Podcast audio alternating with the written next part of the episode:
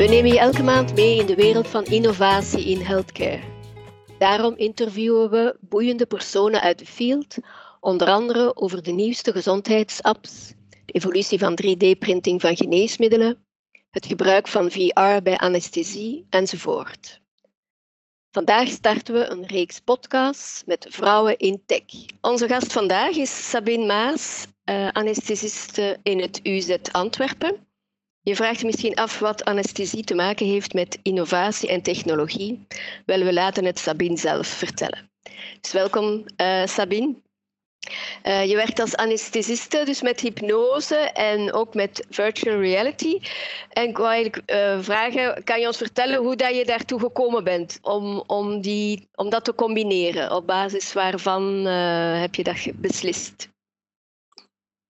Um, dus ik, uh, ik heb een, een, tiental jaar geleden heb ik een hypnoseopleiding gevolgd. Um, en eigenlijk heb ik die opleiding gevolgd om mijn gewone activiteiten als anesthesist uh, te, ja, te verrijken en, en ook dat te kunnen aanbieden aan de patiënten. want dat is een niet-farmacologische manier ook om mensen um, te kalmer te maken, te sederen, uh, ze minder pijn te laten ervaren. En ik vond dat heel in, interessant um, ja, pathway eigenlijk. Um, En op een gegeven moment uh, ben ik uh, gecontacteerd door een, um, een start-up bedrijf. Um, dat was opgericht door een klinisch psychologe. En zij hebben mijn advies toen gevraagd van ja, hoe zie jij dat? Um, wij, hebben een, uh, wij willen een ontwikkeling doen, wij willen hypnose aanbieden um, door virtual reality. Mm -hmm. ja, en ik, uh, ja, ik zag natuurlijk onmiddellijk de, het potentieel van die techniek, omdat het, um, ja, hypnose is, een, is echt een één-op-één activiteit. Um, en dus ja, je kan hem maar beperkt aanbieden. Hè. Je, moet een, je moet eigenlijk een langdurige opleiding volgen. Um, je, het is ook, ja, je kan alleen maar iemand hypnotiseren in, een, in je eigen moedertaal of een taal die je heel machtig bent, omdat hij een heel subtiele um, ja, communicatieve vaardigheden vereist. En natuurlijk, die virtual reality kan al die moeilijkheden eigenlijk overwinnen. Hè. Ten eerste het, ja, het vooroordeel dat er toch nog was over hypnose in de geneeskunde. Hey, dat wordt met zo'n uh, nieuw hip technologisch hulpmiddel direct van de baan geveegd. Mm -hmm. je kunt het wijder toepassen. Uh, voor meer patiënten is het toegankelijk in verschillende talen. Um, het kan ook gebruikt worden als er niemand is met een hypnoseopleiding. Dus al die zaken waren natuurlijk heel interessant. En um, ja, ik ben dat dan ook heel snel beginnen gebruiken. Ja, en ben, ben je de enige in het uh, UZA of, of, hebben jullie, of zijn er meerdere in het team bij jullie? Collega's. Ja, want ik heb, uh, ik heb in een tijd uh, de, de hypnoseopleiding gevolgd samen met nog twee collega's. Mm -hmm. um, en ondertussen zijn er ook heel wat verpleegkundigen die die opleiding hebben gevolgd. En nu met virtual reality is er wel, ja, er zijn meer collega's mee aan de slag gegaan, omdat ze uh, het, la het laagdrempeliger vonden om, om dat te gebruiken. Um, uh, dus ja, we zijn nu wel met een heel deel mensen die, die dat kunnen toepassen. Ja. Ja. En wat zijn zo de, de meest gebruikte toepassingen? Is het dan vooral um, bij operaties dat jullie het gebruiken? Dus het is toepasbaar in, in heel het uh, operatieve traject. Dus je kan het toepassen uh, preoperatief om, om angst weg te nemen, om, om de patiënt al in een, in, een, um, ja, in een betere state of mind te brengen. Um, en dan tijdens operaties, hè, dat gebeurt dan altijd in combinatie met lokale verdoving, kan je het gebruiken. Uh, mensen die, die dan een virtual reality bril opzetten, die zijn ja, echt eventjes in een andere wereld en ze krijgen continu suggesties om te ontspannen. En dat is eigenlijk een heel fijne ervaring. Um, en we hebben ook al een studie gedaan in het postoperatieve. Mensen die een, een nieuwe knie krijgen, moeten daarna zo um, passieve oefeningen doen om die knie te mobiliseren. En ja, vaak is dat ook wel pijnlijk en het is belangrijk dat ze zich ontspannen. En daar hebben we ook het virtual reality systeem al ingezet. Dus het kan in heel het, uh, heel het operatieve traject van pre, per en post-operatief gebruikt worden. Ah ja, super. Ja. En uh, kan het ook voorvallen, bijvoorbeeld tijdens een operatie, dat het dan, dat het dan toch, niet, toch niet werkt en dat jullie dan toch moeten meer verdoving geven? Of gebeurt dat ja, ook? dat, dat gaat zeker voor nu. Het, het, het hangt een beetje af van welk, welk soort ingreep um, we gaan, we gaan uh, doen.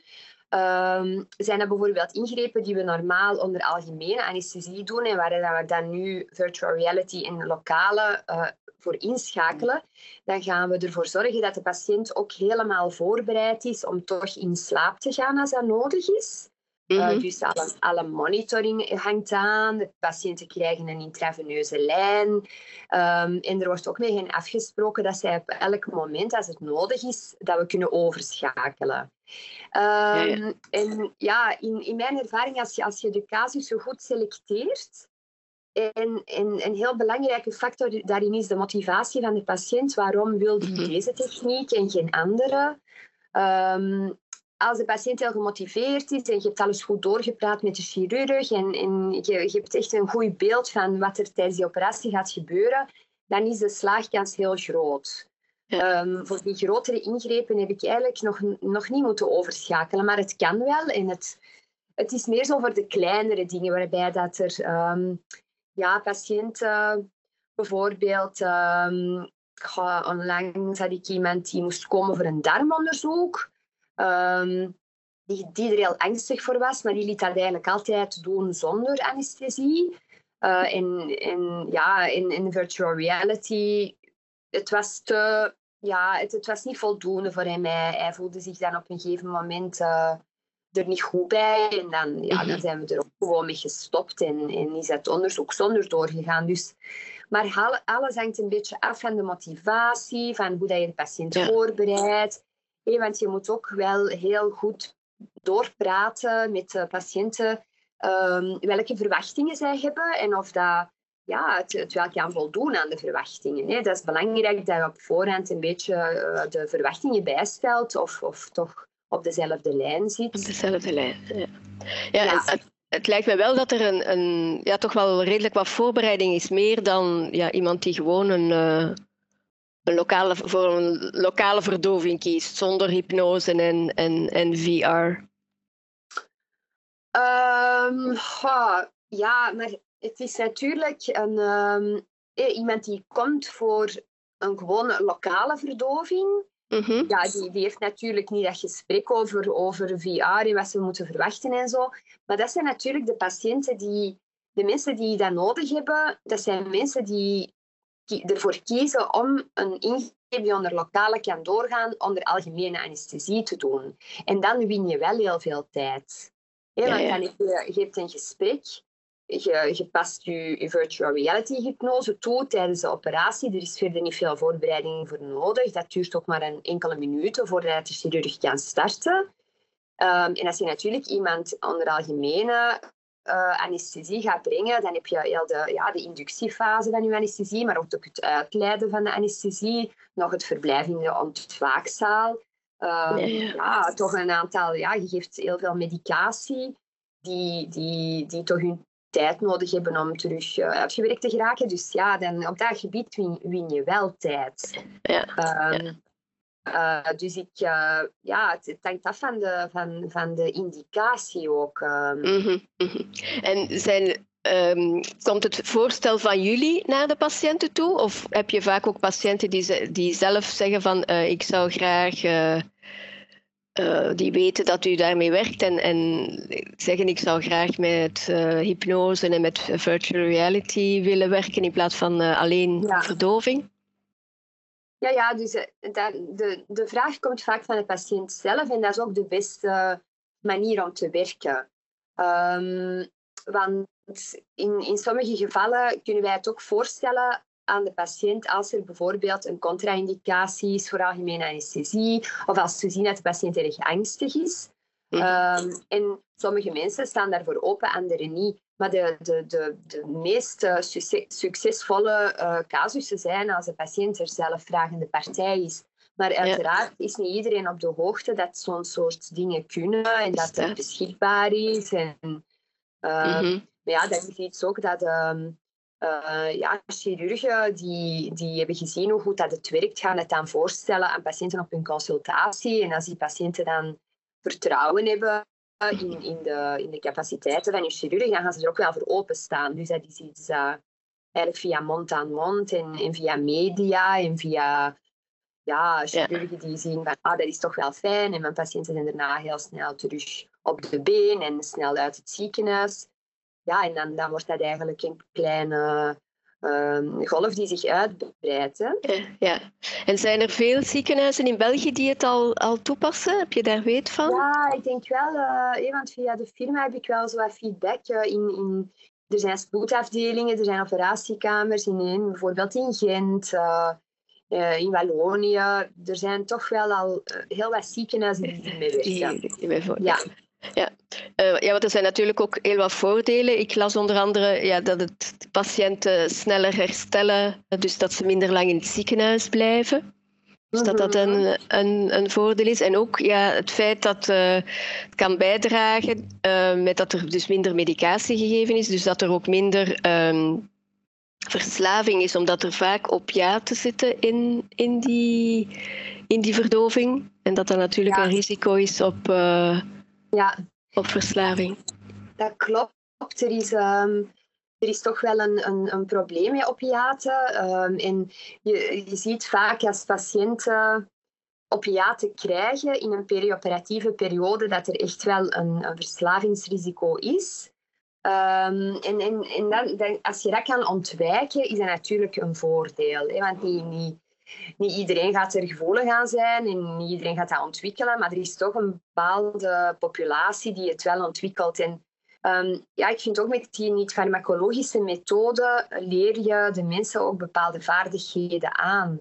Um, ja, pijn is iets heel subjectief, uiteraard mensen gaan, als ze in die staat zijn van, van hypnose en, en heel veel positieve suggestie krijgen, gaan ze ook wel pijn voelen, maar ze gaan dat minder erg vinden.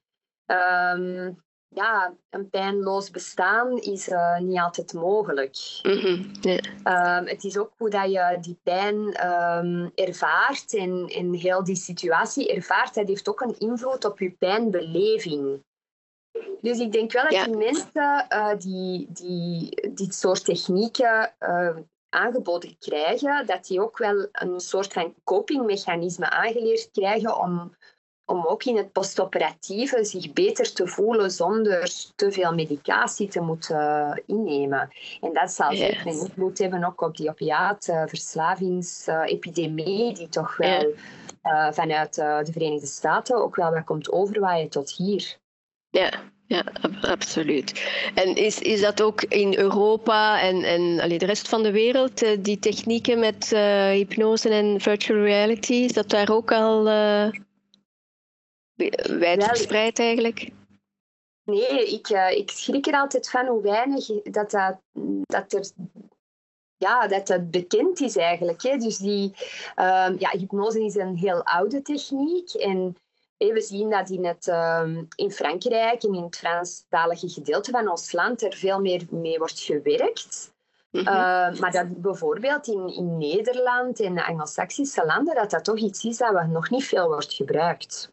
Ehm, en ook, ook, in Vlaanderen was het ja, Um, ik ja, tien jaar geleden um, hebben mijn collega en ik die cursus gevolgd. En uh, ja, wij zijn heel lang de enige anesthesisten geweest in Vlaanderen die die technieken toepasten. Mm uh, nu, de technologie heeft er natuurlijk voor gezorgd dat het meer verspreid geraakt. En, uh, en, en dat is heel positief. maar toch, ja, het, um, het is toch nog het begin van, ja. van het van de toepassing. Het is, we staan nog in de, in de kinderschoenen in Vlaanderen en, en in de naburige landen ook, denk ik, behalve Frankrijk. Die zijn al verder op dat ja, gebied. Hier is toch wel pionieren eigenlijk. Ja, een beetje. En dat is zo. Um, ja, en vaak heeft dat ook. Uh, er, zijn, er zijn verschillende aspecten die, die zo'n uh, pionierswerk wel bemoeilijken, omdat je, er is een vaak een financiële incentive ook in, in, in, in Vlaanderen. Prestatiegeneeskunde, nomenclatuurnummers. Je kan dat je kan dat eigenlijk niet echt um, uh, te goed aanrekenen aan de patiënt. Hè? Dus er moet je dan toch iets op vinden. Um, ja, dat zijn allemaal dingen die moeten volgen natuurlijk. Hè? Ja, ja, dat zijn zo de, de, de praktische dingen, maar wel, wel belangrijk uh, in die context natuurlijk. Ja, dat is zo. Um, en, en daarom is, ja, als jij, zoals in, in Frankrijk bijvoorbeeld, in, in een klein plattelandsziekenhuis en, en je hebt daar een tekort aan anesthesisten, dan ga je mhm. eerder grijpen naar zo'n technieken, omdat je de, ja, omdat je de, de juiste specialisten niet in huis hebt om andere dingen aan te bieden. Dus dat is ook een factor natuurlijk. Ja, ja. ja. Dus oké. En hoe, hoe kwam jij dan eigenlijk daarmee in contact? Want dus je hebt die cursus uh, gevolgd, maar hoe, hoe was die interesse daar eigenlijk ge, gekomen? Helemaal in het begin? Ja, dat, dat, is, um, dat, dat, is door het lezen van, uh, van een wetenschappelijk artikel um, van de anesthesisten in Luik. Want die zijn er echt al, al veel langer mee bezig. Die hebben een heel mooi wetenschappelijk onderzoek gedaan. En ja, dat komt je dan toch eens onder ogen. En dan denk je van, ah, tja, mm -hmm. dat is interessant. Yeah. Um, ja, en natuurlijk is dat iets, iets fascinerend. Hè? Um, hypnose, je denkt zo van, ah, dat is toch wel, ja, hoe zit dat in elkaar? Ik, ik, vond, dat iets, ik vond dat heel fascinerend. En um, ja, als je dan zo een, um, een artikel leest en je ziet van, ah, ik kan het eigenlijk misschien ook wel gebruiken in mijn job, dan uh, ja, dat heeft, dat heeft mij wel heel erg getriggerd. -hmm. uh, en ja, dat heeft echt ook mijn visie op heel veel dingen veranderd. Um, omdat het een... ja, het is, het is meer ja, als je meer in dat, dan gaat je meer in dat body-mind verhaal. En, en dat is in de geneeskunde toch ook wel een heel interessante piste die te weinig wordt bewandeld. Mm -hmm. Ja, inderdaad. Hier zeker in, in het Westen. Hè. Het, is, uh, ja. het is de body en de mind. Uh, dat is uh, ja. gescheiden. Hè. Ja. Het is gescheiden, maar het is uiteraard niet gescheiden. En je merkt ook wel dat er in de in de populatie ook wel echt vraag is naar, een andere, mm -hmm. naar andere methodes. En, en ik, ja, ja, ik, natuurlijk, klassieke geneeskunde, klassieke westerse geneeskunde is fantastisch en er kan heel veel. Maar er is toch een aspect uh, dat soms wel ja, wat verwaarloosd wordt. En ik vind dat toch wel machtig als mensen dan um, ja, mede door die virtual reality hypnose dan toch terug een beetje controle in eigen handen krijgen. Um, dat is anders dan van ja, geef, ik geef je een spuitje en dan slaap je, je wordt geopereerd, je weet er niks van. Hier is er meer een samenwerking en dat, dat vind ik wel eigenlijk heel waardevol. Ja, dus je legt zo samen een traject af eigenlijk, als ik, als ik u hoor vertellen zo. Dus uh, het, ja, voor, het, het, voorbereiden en zo, ja. Het voorbereiden, het, um, je krijgt ook echt een, een band met die patiënten.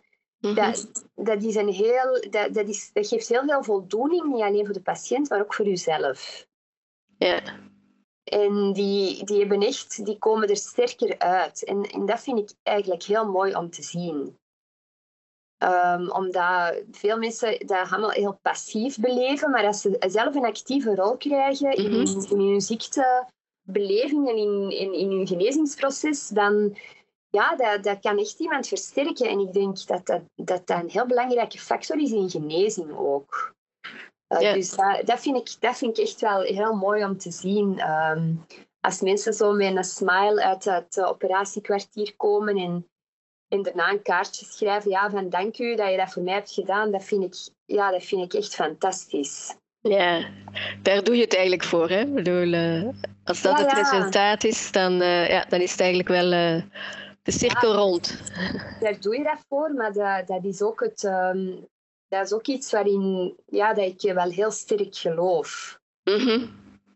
en dan, ja, als je dat dan ziet zie, zie, zie gebeuren voor je eigen ogen, dan is dat toch wel heel krachtig. Ja, ja, ja leuk. Mooi. Heel mooi.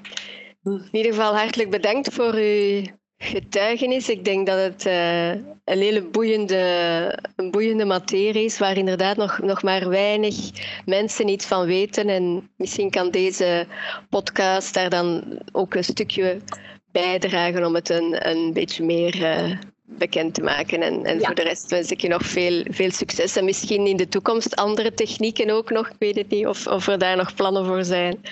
Maar dan, uh... Ja, wie weet. Hè? We houden ja. onze ogen en onze oren open. Ja, oké. Okay. Alvast bedankt en veel succes nog. Hè? Ja. ja, dankjewel. Dag. Bedankt voor het luisteren en volg ons op social media om op de hoogte te blijven van de laatste nieuwe informatie.